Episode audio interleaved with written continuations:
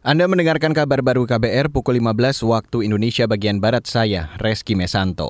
Saudara DPR mendesak pemerintah segera memperhatikan nasib ribuan guru bekas peserta pendidikan dan latihan profesi guru atau PLPG Angkatan 2016. Menurut Wakil Ketua Komisi yang membidangi pendidikan DPR, Dede Yusuf, saat ini sertifikat pendidik belum juga diterima guru bekas peserta PLPG 2016 itu karena belum lulus ujian tulis nasional atau UTN. Terhadap permasalahan dan masukan yang disampaikan oleh Forum Guru XPLPG 2016 seluruh Indonesia, Komisi 10 DPR RI menyampaikan pandangan sebagai berikut. Pertama, mendesak pemerintah memberikan kesempatan kepada guru XPLPG 2016 yang belum lulus UTN agar dapat mengikuti PPG dan mendapatkan afirmasi agar segera mendapatkan sertifikat pendidik. Wakil Ketua Komisi yang Membidangi Pendidikan DPR, Dede Yusuf mengungkapkan, hingga saat ini Kemendikbud masih belum menuntaskan sertifikat pendidik untuk 12 ribuan guru bekas peserta PLPG Angkatan 2016 itu. Komisi Pendidikan DPR kata dia tengah memperjuangkan kemudahan memperoleh sertifikat pendidik, misalnya hanya dengan mengajukan portofolio seperti syarat untuk status dosen.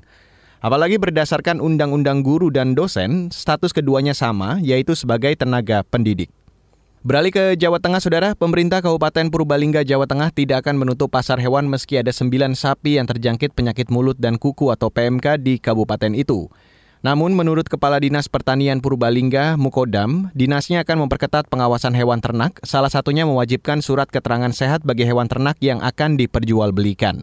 Uh, yang namanya perdagangan sapi ini kan memang uh, bebas tidak bisa dibatasi sepanjang itu aman dan menggunakan ketentuan ada uh, surat keterangan kesehatan sapi atau kesehatan ternak. Petugas kami pun kami lakukan antisipasi agar uh, proses pelayanan kesehatan hewan termasuk juga inseminasi buatan itu menggunakan APD lengkap secara prosedural.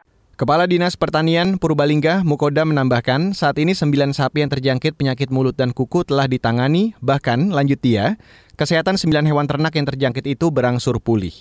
Saudara, upacara penutupan SEA Games Vietnam akan dilaksanakan pukul 8 malam waktu Indonesia Barat, menurut sutradara upacara pembukaan dan penutupan SEA Games.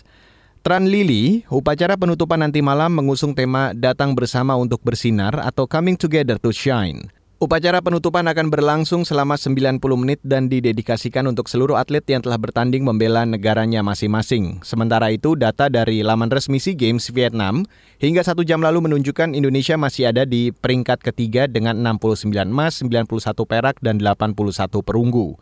Tuan rumah Vietnam semakin tak tertandingi di posisi puncak dengan 205 emas disusul Thailand 92 emas.